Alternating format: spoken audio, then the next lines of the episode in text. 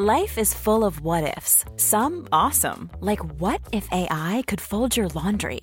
And some, well, less awesome, like what if you have unexpected medical costs? United Healthcare can help get you covered with Health Protector Guard fixed indemnity insurance plans. They supplement your primary plan to help you manage out of pocket costs. No deductibles, no enrollment periods, and especially no more what ifs. Visit uh1.com to find the Health Protector Guard plan for you. Hey, it's Ryan Reynolds, and I'm here with Keith, co star of my upcoming film, If, only in theaters, May 17th. Do you want to tell people the big news? All right, I'll do it. Sign up now and you'll get unlimited for $15 a month in six months of Paramount Plus Essential Plan on us. Mintmobile.com slash switch. Upfront payment of $45 equivalent to $15 per month. Unlimited over 40 gigabytes per month. Face lower speeds. Videos at 480p. Active Mint customers by 531.24 get six months of Paramount Plus Essential Plan. Auto renews after six months. Offer ends May 31st, 2024. Separate Paramount Plus registration required. Terms and conditions apply if rated PG. A lot can happen in three years, like a chatbot may be your new best friend. But what won't change? Needing health insurance. United Healthcare Tri Term Medical Plans, underwritten by Golden Rule Insurance Company, offer flexible, budget friendly coverage that lasts nearly three years in some states. Learn more at uh1.com. Since 2013, Bombas has donated over 100 million socks, underwear, and t shirts to those facing homelessness.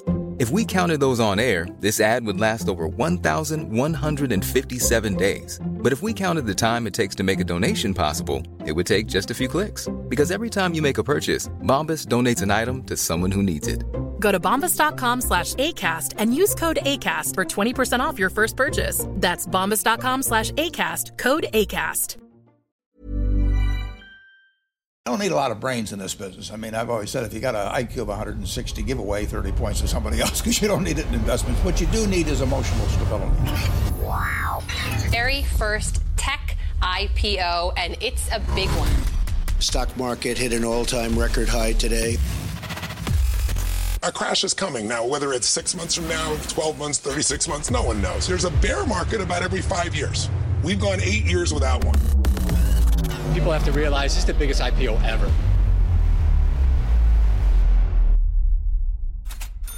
Hej och välkommen till ett nytt avsnitt av Market Makers. Vem har vi med oss den här veckan Fabian? Vi har ingen mindre än världskända Kavastu. Så är det. Arne Kavastu Talving med över 30 000 följare på Twitter. Det är inte dåligt. Numera författare tillsammans med Marcus Hernag som tidigare gästat podden. Gå in och lyssna på det avsnittet. Eh, och han föreläste ju också faktiskt. Han kör ju sina kurser, Kavastus trender, som är väldigt omtalade. Och vi ska ju faktiskt besöka en sådan kurs senare i höst och ge en liten eh, djupdykande recension i den. Ja, det måste vi göra. Eftersom det är så mycket snack om de här kurserna så tyckte vi att det var svinkul att få se vad lär man egentligen ut på de här kurserna och eh, just då lämna en recension. Inte, nej fan det blir fel. inte recension, den vill inte vi komma med. En recension. Men vi gör så här, vi hoppar över nyheterna. Jag är bortresen då, så det här är faktiskt förinspelat, trot eller ej. Fantastiskt skönt med två lediga veckor här från podden. Nej, ska jag bara. det är svinkul att spela in. Yes, så vi hoppar rakt in i studion med kära Arne Kavastu Talving. Då säger vi välkommen till podden, Arne Talving. Eller ska vi kalla dig Kavastu? Ja, vilket som. Hej. För de som inte känner till dig, som kanske inte följer dig på Twitter eller så sen tidigare. Vem är Arne? Nej, jag är en eh, vanlig investerare, som, eh, privatinvesterare som eh, har varit på aktiemarknaden sedan 82. Eh, arbetade på Handelsbanken tidigare i tio år och sen hoppade jag av och entreprenör. Eh, gick ner på halvtid för en 10-15 år sedan och la den andra halvan på fritid och att kom på att jag kanske skulle titta lite mer på börsen och lära mig, no försöka hitta någon helig graal eller någonting sånt. Sen slutade jag jobba i princip för fem år sedan och lever på aktie avkastning kan man säga. Hur kom du in på det här med aktiehandel och börsen? Ja, först och främst var det i skolan. Vi hade en eh, aktietävling och jag köpte Modo Domsjö och SCA och vann den. Eh, sen så började på banken och eh, hjälpte, var springpojke till eh, eh, den här fondchefen. Och började bekanta mig lite grann med aktier. Så första aktieaffären var Fermenta 1983. Hur gick den aktieaffären? Det gick riktigt bra. Jag dubblade pengarna. Men jag skulle behållit dem i ett och ett halvt år till. Eh, hur ser liksom din investeringsprocess ut? Hur går du tillväga när du letar bolag, hur du positionerar dig i marknaden och sådär? Jag har mycket fritid eh, eftersom att jag har eh, gått ner först på halvtid och även på Eh, helt ledig så att säga. Så att eh, jag lägger ner ganska mycket tid åt, eh, att, eh, åt marknaden. Framförallt tycker jag det är så intressant att forska kring marknaden. Hur marknaden beter sig, hur människor tänker runt omkring. Så att, eh, man ska säga för 15 år sedan så gjorde jag en jätteanalys av, av marknaden. Hur ska man göra för att slå index? Och höll på i fem år till och från. Och gå igenom helt enkelt. Hur ska jag kunna bli en bättre investerare? Och så sjösatte jag konceptet 2009 och följer då helt, eh, vad ska man säga, eh, enligt ett mönster, eh, disciplin, eh, ett, ett visst mönster som jag handlar efter. Så ganska mekaniska? Ja, ganska mekaniskt utan känslor. Och eh, där är eh, enkelt. Är det bulltrend så ligger jag i princip all in på marknaden. Är det bad trend, då står jag och tittar på.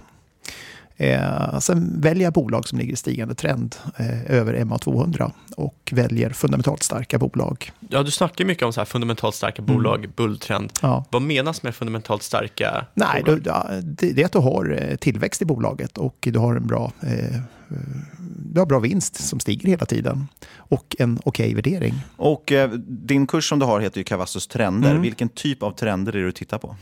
Ja, det är ju allt ifrån eh, mönster som finns på börsen till trender i bolagen. Vad kan några sådana här trender vara, som ett exempel? Nej, du kan titta till exempel på årsmönstret på eh, USA-börsen. Många var ju väldigt oroliga då i januari, februari när det hettade till lite grann. Och jag sa, satt lugnt kvar och sa ja, ja, jag sitter kvar all in. Det här kommer att reda ut sig. Och det visade sig efteråt kan vara studdig, men det gjorde ju det. Men tittar man på eh, säsongsmönstret på USA-börsen så är det ganska vanligt med dippar i januari, februari det är e, ett mönster. Och eh, tittar man på bolagen så är det väldigt, väldigt viktigt att se då att bolagen ska helt enkelt, eh, vinsten, eh, gärna stiga hela tiden så att trenden är uppåt. Eh, och har du då en värdering som inte stiger, då har du ju liksom eh, en bra edge mot bolaget. Vi har ju Sobi till exempel som har gått väldigt bra ganska länge. Där har du ett bra exempel på bolaget har eh, ökat vinsten ganska kraftigt och ökat omsättningen eh, vinstmarginalen eh, och kursen har svarat. Men värderingen är densamma idag. Men då är det, det är ändå ganska mycket fokus på mikroekonomi, alltså så det är mycket fokus på bolagen men mm. även lite tekniskt då på, på det mm. större trenden. Det är inte så mycket makrodata och så det väger in va? Det, det är ju när jag bedömer, jag måste ju ha makro när jag bedömer eh, bull och bear trend. Eh, det tar ganska, ärligt talat så gör jag som så att varje fredag så lägger jag väl in 700-800 Eh, olika börskurser och parametrar eh, i en eh, Excel-bas. Och varje dag så lägger jag in ungefär 200 parametrar och kurser. Och de samkör jag på alla möjliga sätt. Det är ju råvarupriser, det är räntor, det är ja, whatever som jag lägger in. Så jag har en enorm bas. Sen måste det liksom... Har du någon backup på den Excel-snurran? ja, det har jag. I, i, på Sticka har jag faktiskt förvarat på ett annat ställe. Så att det, det finns. Eh, men det, jag har spräckt många Excel-ark. Ja. Mm. men eh, det är mycket makro där. Som, man, det gäller också, makro kan du tolka på olika sätt. Du kan ju tolka det som att det är positivt eller negativt. Det handlar liksom om att hitta de, eh, försöka hitta de rätta tolkningarna och makron. Kommer jag inte ihåg, det, Fabian, du har mycket bättre minne än mig. Det var ju någon som sa att eh, om du lägger 15 minuter på makro så har du eh, slarvat bort en, eh, 14 minuter eller någonting sånt. Känner du igen det citatet? Ja, men typ Peter Lynch. Ja, det kanske det var. eh, men då väger du ändå in ganska mycket makro. Det är lite intressant att höra om tycker jag. Framförallt är det på trenderna. Är det bull eller bear trend? Mm. Ja, okay. Och då försöka väga någonstans, titta till exempel på olika metaller eller olika råvaruslag. Ja, helheten. Ja. Allt ska in så att säga. Och sen ska det smältas och komma ut i ett beslut. Och du nämnde ju MA200 som en indikator. Mm. Några andra indikatorer du kollar på? När det gäller börsen så är det egentligen bara MA200 mm. som jag tycker är intressant. Jag, jag, tycker, man säger att jag lägger in alla aktiekurser på large, mid, small och first north varje fredag. Eh, så 52 datapunkter har jag per år. Jag tycker inte om det här kortsiktiga bruset upp och ner. Jag vill se långa trender. Och det, det måste vi prata om. Eh, mm. nämnde, det var bara svenska börsen och eh, First North också. Mm. Varför bara svenska bolag? Jag gjorde en jätteanalys över mig själv då, 2004, 2005 till 2008. Vad har jag gjort som är bra i aktieaffärer? Vad har jag gjort som är dåligt? Och så gjorde jag en analys. Ja, men jag har varit skitduktig på svenska aktier eh, bara aktier. Eh, när det gäller derivat och sådana saker, då har jag förlorat pengar. Eller rättare sagt underpresterat index. Eh, jag, drar mig, jag, jag, tänker på den där korvkiosken som börjar sälja roterade döner och eh, eh, kebab och allt möjligt sånt där. Eh, varför sprida sig? Varför inte göra någonting bra av korvkiosken och sälja korv så alla står och köar? Och likaså för mig, då att, varför inte koncentrera det på en marknad och göra det jäkligt bra istället? Ja, det blir ju framförallt väldigt mycket data att dra in annars också. Ja, det ja det också. Det också. Men då, får, då blir det spridd också. Mm.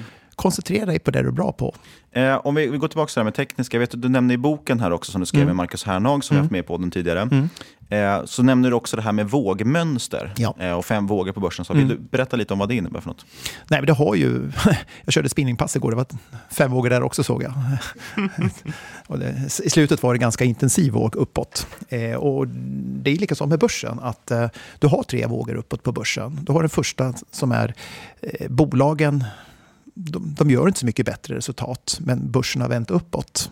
Sen får du ett bakslag på den och den vågen ner det, vi pratar om generellt, alltså på, på börsen en våg. Eh, den andra vågen, så att säga, som är nedvåg, den ser väldigt olika ut.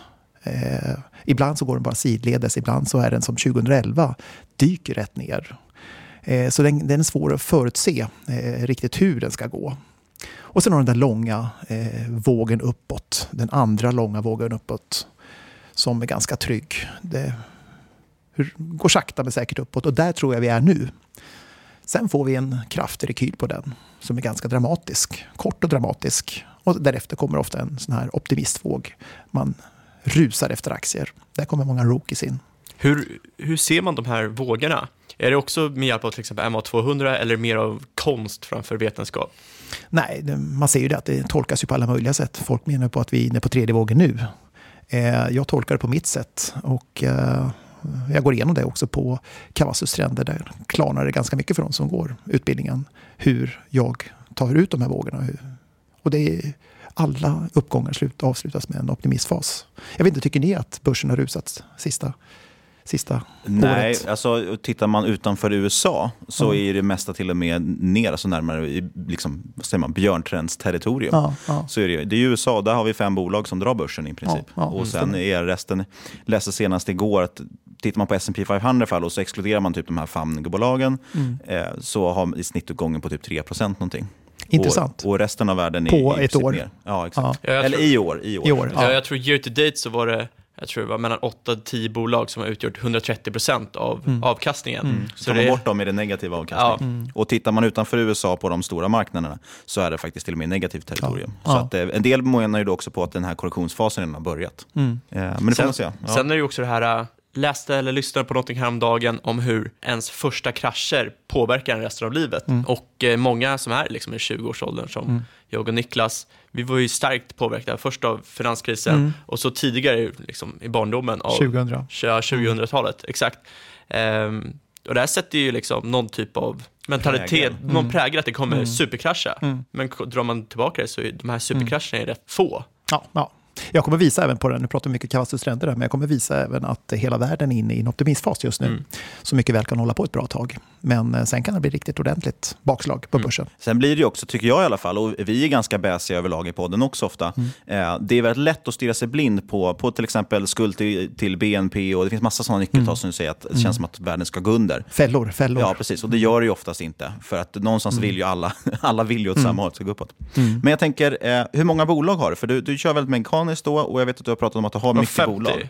Ja, eh, jag brukar pendla mellan 40 och 60. Mm. Och eh, när det är lite smalare uppgång så är nere på 40. Och när det är bred uppgång så nu ligger jag över 50 faktiskt. Det är ganska brett just nu. Tycker du att liksom, är det här en rekommendation du tycker att andra ska ta eller borde du liksom snittinvesteraren skära ner det här och ha koll på ett fåtal bolag? Och, och hur landar man just 40-60 bolag? Ja, nej, men jag kan väl säga som så att eh, om, om du går eh, runt ett hörn och sen Mm. helt plötsligt så är det någon som bankar ner dig Mm. eh, bakom hörnet. Du vet inte vad som finns bakom hörnet. Eh, och sen är det också när, när du får lite volym, eller man säger size på, på portföljen. Om du har då ett bolag som ligger på First North till exempel, Mm. så kanske du står för, om du ska ut med någonting, så kanske du får ta en hel vecka för att komma ur positionen. Mm. Om, om du har stor volym. Så att det handlar lite om att, att eh, kunna smyga in och smyga ur bolagen hur som helst. Och framförallt risksprida. Eh, jag har jag sover tryggt på natten. Jag känner att oj, nu kommer en säljrek på, på det här bolaget. Så what?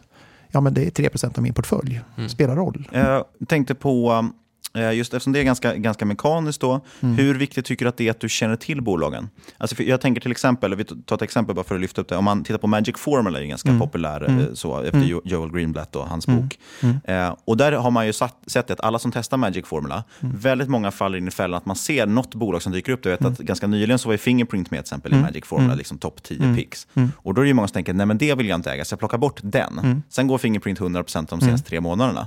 Eh, så det var den du skulle ha ägt. Så att säga. Mm. Hur mycket sånt fokus lägger du? För jag antar att du, den, din, din Excel-snurra spottar väl ut ett gäng bolag. Det här är de du ska äga nu. Liksom. Jag gör det manuellt. Du gör det manuellt. Och väljer du ut någonting eller sållar du bort då för att du känner att det här vill jag inte äga? Nej, jag, jag sätter inga skrupler. Eh, jag ska e- erkänna en sak. Jag köpte, köpte Fingerprint. Jag äger alltså Fingerprint. Mm. Eh, och jag har inte ägt Fingerprint överhuvudtaget. Men det, Du har väl till och med varit rätt negativ till det tidigare? Ja, jag är fortfarande negativ till Fingerprint. Men, men eh, bara som en sån sak. Eh, när en aktie går över MA200, Mm. eh, då kan man börja ställa frågan till sig själv. Varför gör den det för? Blankningen har minskat i Fingerprint. Stora insiderköp eh, har varit på 6-7 kronor. Det här är bara en skojgrej. Eh, jag ska bara ha några dagar. Mm. Men jag såg det här om dagen då när jag satt och satt och jobbade med annat så såg jag att eh, Fingerprint var nere på 10.06. MA200 eh, ligger på 10.02 och eh, psykologiskt stöd på 10 kronor. Eh, ja men herregud, ska jag ha matpengar imorgon? Ja men det är enkelt. Mm. Chansen att den går upp är ju mycket större än att det går ner. Ja men jag har en skvätt pengar, in med dem. Så de går säkert ut idag också. Men liksom, då återigen, eh, jag, jag, jag, jag ser ingenting i, man säger, just nu i, i trenderna i Fingerprint. Det är möjligt att det har blivit en vändning i, i Fingerprint. Men jag har inte fått några siffror på den, för det är sista rapporten som jag tittar på.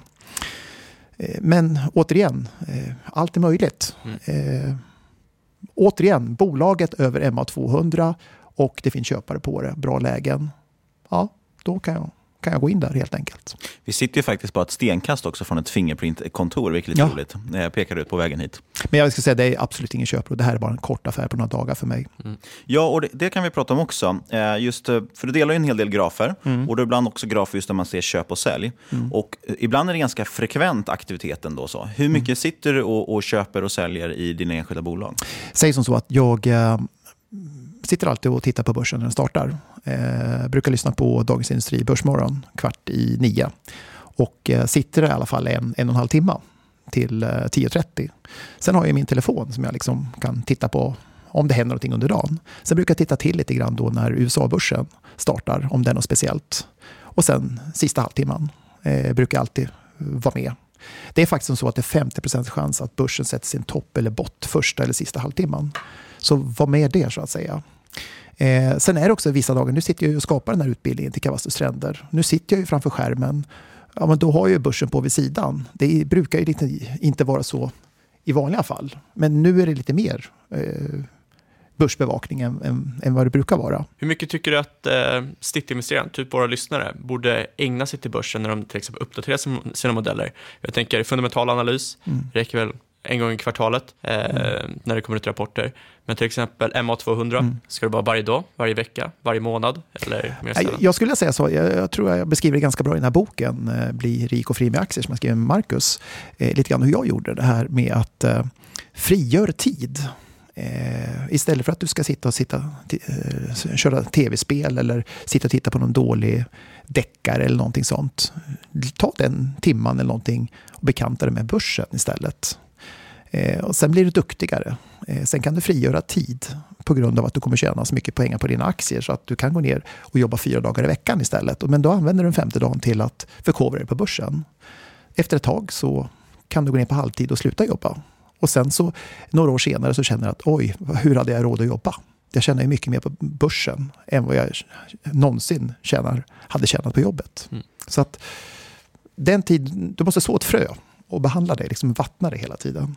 Vad tror du framöver då? Man brukar ju ibland säga sådär med att eh, för alla, väldigt många förväntar sig att buy and hold alltid ska funka, Mm. att börsen alltid ska upp på sikt. Mm. Det har inte funkat i Japan nu om man tittar på det till exempel, brukar Mm. lyfta som exempel. Och Mm. så har det funkat på de flesta andra börser. Mm. Eh, vad tror du om börsen framöver? Nej, jag tror att, eh, eh, som jag skrev på Twitter här för, för några dagar sedan, att eh, man ska vara mer rädd att vara utanför börsen än att vara rädd för ett börsras. 80 procent av tiden ligger i bulltrend. Eh, jag tycker inte att eh, P tal 17-18 just nu skrämmer speciellt mycket. Eh, börsen har gått upp 5-6 procent fem, ja, x antal år i rad här nu och bolagen tjänar pengar. Jag tycker det känns ganska stabilt just nu faktiskt. Och apropå multiplar, hur mycket tittar du på den typen av värderingar eller så? Eller är det mest fokus på att trenden helt ska vara stigande? Nej, man kan väl säga så att det här med värderingar, det ändrar sig över, över tid. Om vi säger 1980 hade vi direkta kastningar på 7,8 procent eller någonting sånt. Och vi värderade substansen i bolaget till 30 procent. P talen var, var det inte 5 generellt på börsen 1980. Eh, men då hade vi ett annat ränteläge. Och jag vet att vi hade ett, vi hade ett eh, aprilskämt 1900, eh, 1998 eller 20, ja det var någonstans där, om att eh, eh, vad var det, det var? Det var att eh, vi kommer att få betala för att ha pengarna på banken. Mm. Det var ett ganska bra aprilskämt, för så vart det ju i framtiden. eh, du, det är just det här med att förutsättningarna bakom ändrar sig sådant. Så P-tal 17-18, ska vi jämföra det med P-tal 5 år 1980, då hade vi en hög ränta. Jag vet att ni har...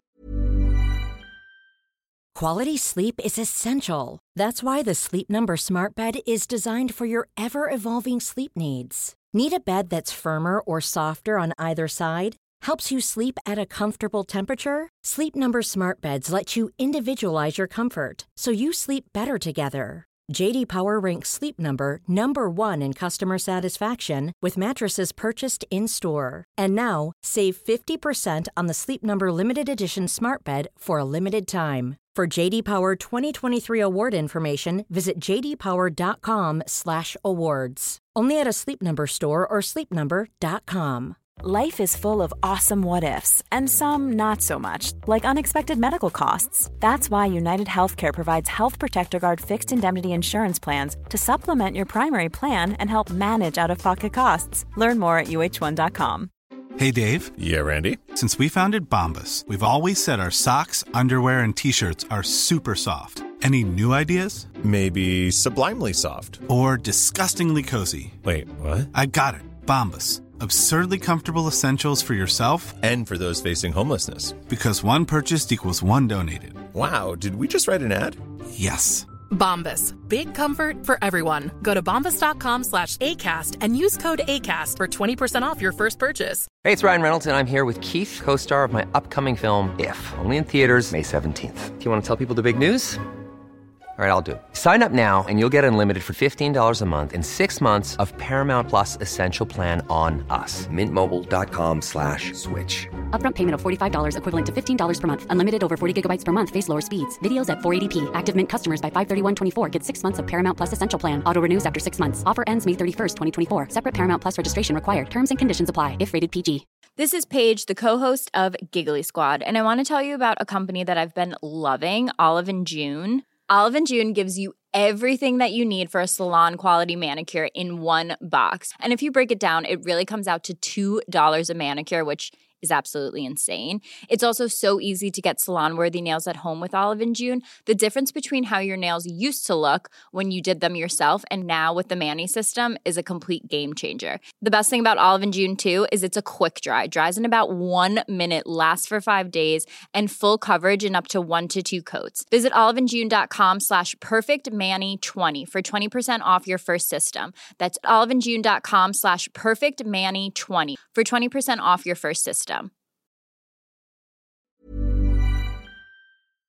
Jobba på banken så fick man 11,75 på insatta pengar. Alltså ränta 11,75. Ja, tvåsiffrig ränta, det är något som Nej. låter som en dröm. Eller inte en dröm, men det låter, ja. det låter som något som inte skulle kunna hända i dagens läge. Nej, men, men precis. Eh, idag får vi noll eh, och företagen får betala pengar. Och då menar jag så att ska vi jämföra P-tal 5 med P-tal 17-18, det ändrar sig hela tiden över tid, så det är så svårt att jämföra över tid. Så att jag går mycket på trender istället. Hur agerar marknaden? Hur tolkar marknaden informationen? Absolut, och det är faktiskt jäkligt intressant när, man, när det blir allt större med det här uh, behavioral economics och liknande. Mm. Att uh, just hur investerares och investerares psykologi mm. spelar in på ja. hur folk handlar. Och det är ju liksom, det är förståeligt när man mm. ser de här super inköpen av både Fingerprint och så såg man i bitcoin mm. förra december. Mm. Det finns ju ingen anledning varför inte det fortsätter i alla Nej. andra bolag heller. Nej.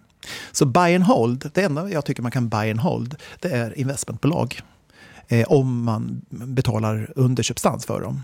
För där har du en stab som sitter och förvaltar. Eh, köper du Volvo, där har du ingen stab som sitter och förvaltar. Då är det du som ska besluta att du ska äga Volvo. Så att är det buy and hold, då är det Just nu så är det Investor. Ja, framförallt så får du väl billigare förvaltning än om du hade köpt motsvarig aktiefond. Ja, men absolut. Eh, och du kommer in 25% billigare än en aktiefond till exempel. Men då är det, det är en del teknisk analys involverad, mm. en del fundamentalt, mycket mekaniskt. Vilka är dina bästa verktyg som du vill liksom tipsa om? Och framförallt, vad tycker du man hittar liksom hur kommer man igång med det? För, för många kanske till exempel teknisk analys då är helt främmande med MA200 mm. och sådär. Mm. Hur kommer man igång? Var hittar man kunskapen? Det är svårt, det måste komma inifrån. Eh, men jag kan väl säga så att jag är väl ingen stor vän av teknisk analys. Eh, jag har kombinerat, om man säger trender med eh, fundamenta.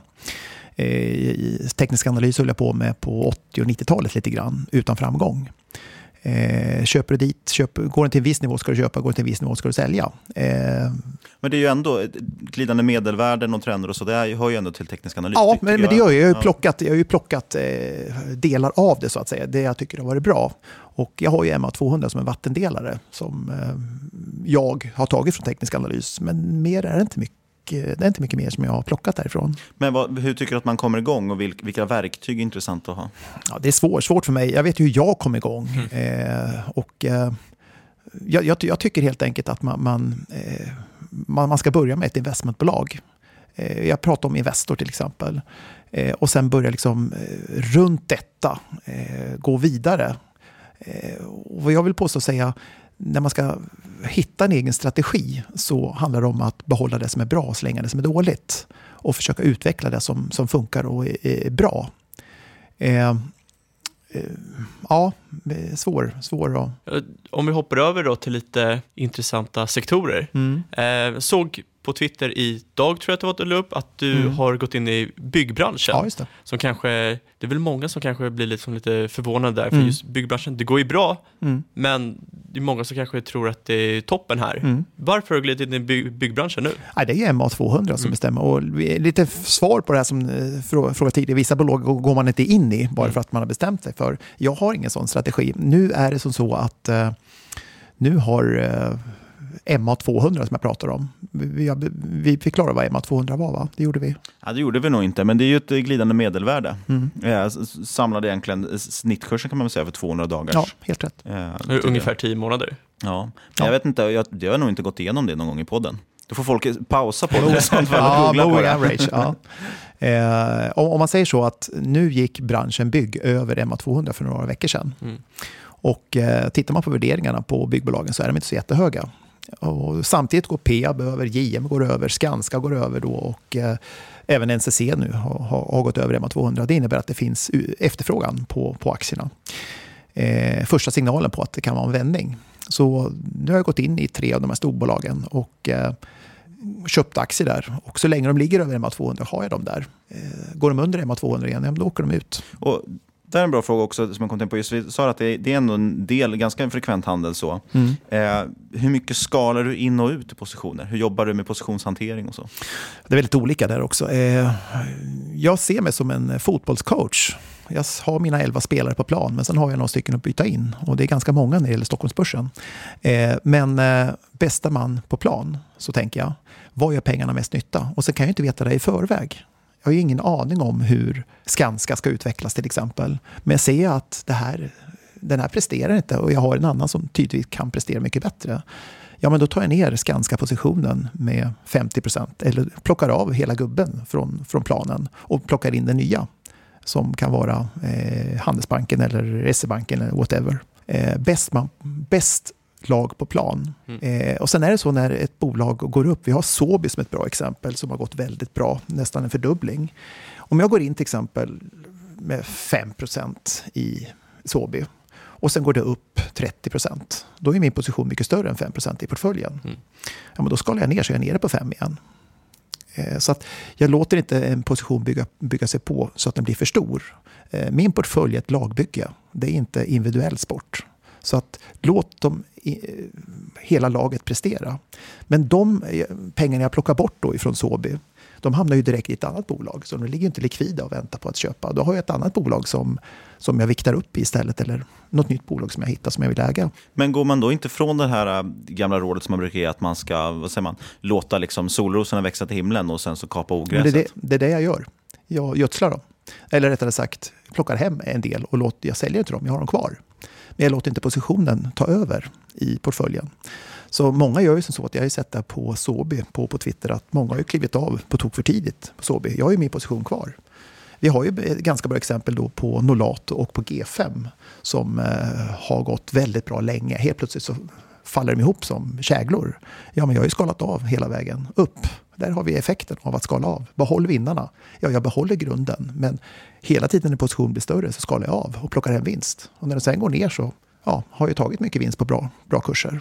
Jag vet inte vad som finns bakom hörnet. Mm. Det är alltså en relativt effektiv riskhantering med andra ord. Ja. Eh, ska vi prata om något som kallas för HSI som du skriver en del om? Det vad är, är HSI? ja, det, någon googlade fram att det var Hang Seng Index. Ja. Nej, men det var faktiskt eh, det som man säger att gör man inte mer än man får betalt för får man aldrig mer betalt för vad man gör. Eh, jag experimenterade väldigt mycket på eh, 80-talet och då var det inga datorer, det var ju papper och penna och Excel fanns ju inte då så att säga. Eh, hade 20 olika index som ja, laborerar på alla möjliga sätt. Och eh, det enda indexet som finns kvar idag det är HSI. Det visar sig att det visar en kraftig säljsignal två dagar innan eh, börskraschen 87. Oj, tänkte jag. Eh, sen visar det då i mitten av december en kraftig köpsignal på Stockholmsbörsen och det stämde väldigt bra. Så det jag fortsatte med. Och, eh, det är ett index som innehåller fem parametrar olika viktade som jag för varje dag och eh, väldigt pricksäkert. Och det är någonting jag tänkte ta med mig i graven. Okay. Ja, jag tänkte säga, för det, det håller du ju hemligt. Ja. Kan man ge någon slags hint om vad det är för typ av parametrar? Nej, är det liksom Fingerprints aktiekurs eller är det guldpriset? nej, det, det, går jag inte in på, men eh, ganska logiskt. Mm. Eh, nästa fråga måste jag fråga, för det är ju ett sånt point and figure chart, alltså mm. det är kryss och, och mm. cirklar. Mm. Eh, hur kommer det sig att du har använt den? Är det någonting du använder mycket annars också? För det är inte så många, tycker jag, idag som man pratar med som Nej. vet ens hur det funkar. Jag är så gammal, jag är 56. Eh, jag gick eh, utbildning på line and bar chart då på 80-talet. Sen eh, även fick jag en kurs av Handelsbanken eh, betalat till mig eh, med Sixten Öhman. Han hade en kurs på point and figure, dåtidens eh, teknisk analys. Och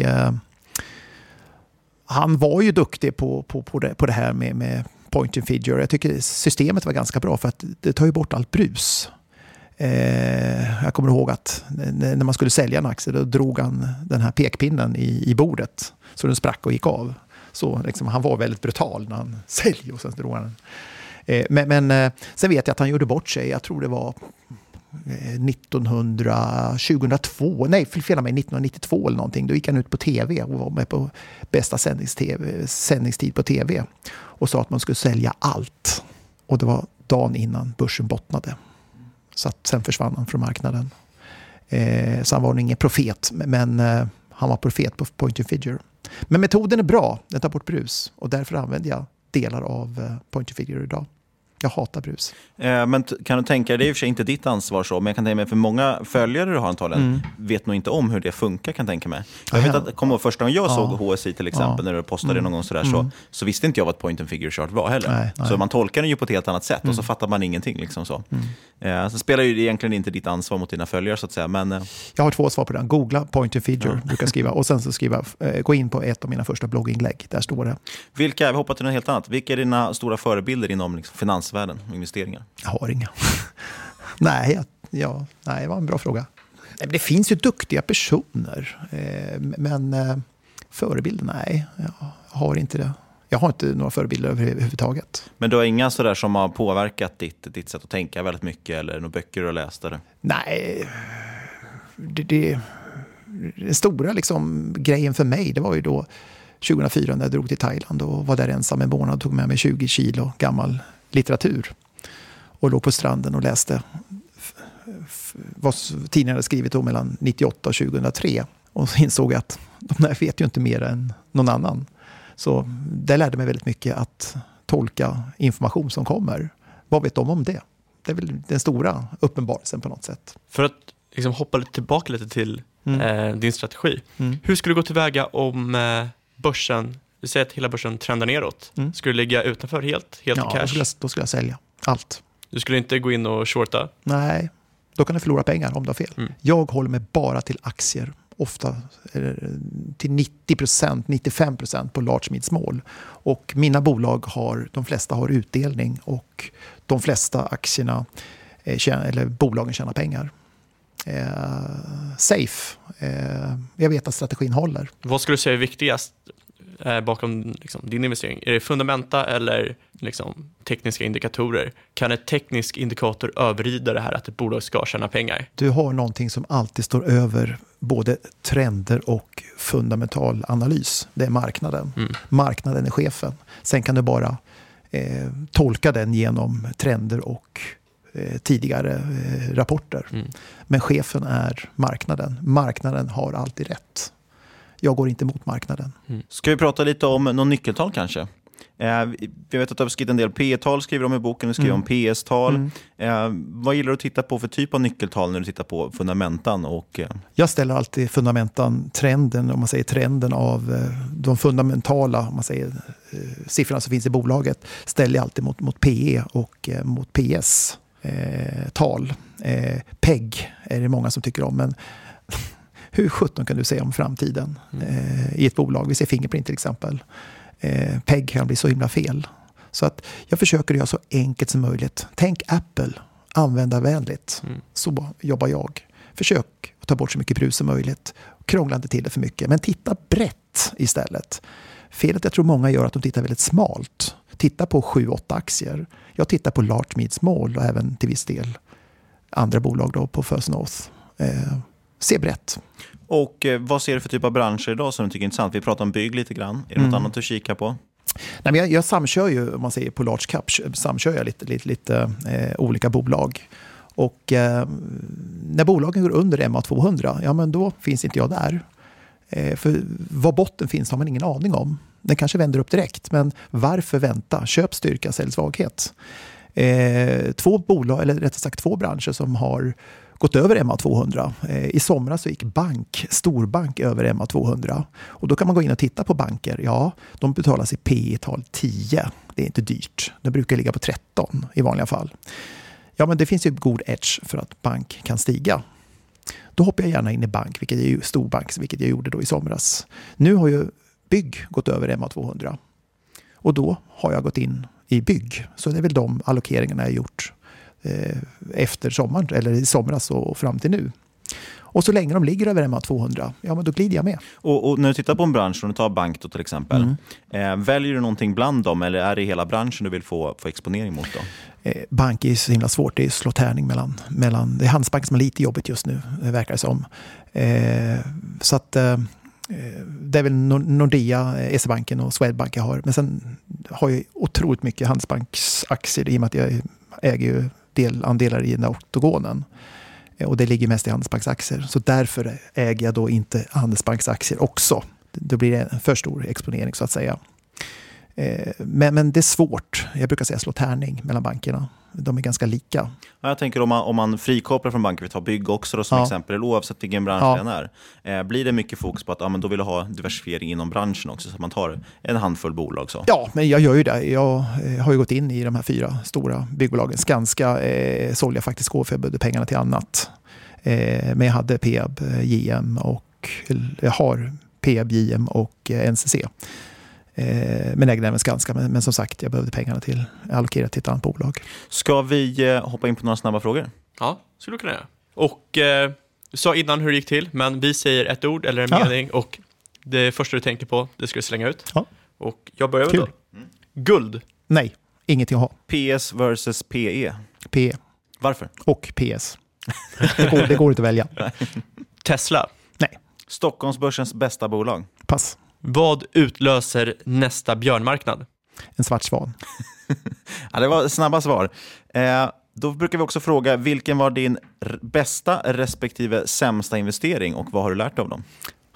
Bästa är svårt att säga. Eh, sämsta var faktiskt på eh, 80-90-talet någonstans. Jag köpte konvertibler i ett bolag som gick omkull. Det var min sämsta. Eh, bästa vet jag inte faktiskt. Det är ganska bra generellt. jag tittar inte på vilket som har gått bäst. Det I år. I år är det faktiskt Åby Mm. jag har tagit mest vinster på. Förra året kommer jag inte ihåg ens. Det kan nog, nej jag vet fasen. Jag tittar inte så mycket. Nej, så du går väl in i den här mekaniska handeln. Ja, ja men exakt. Och vart följer man dig framöver och hur gör man när man är intresserad av att följa dig eller gå på den här kursen? då? Ja, eh, jag har ju ett Twitterkonto som kallar sig för Kavastu som jag startade för snart fem år sedan faktiskt. Eh, där skriver jag lite grann. Sen har jag även en blogg, men jag hinner inte skriva så mycket blogginlägg längre. arnetalving.se.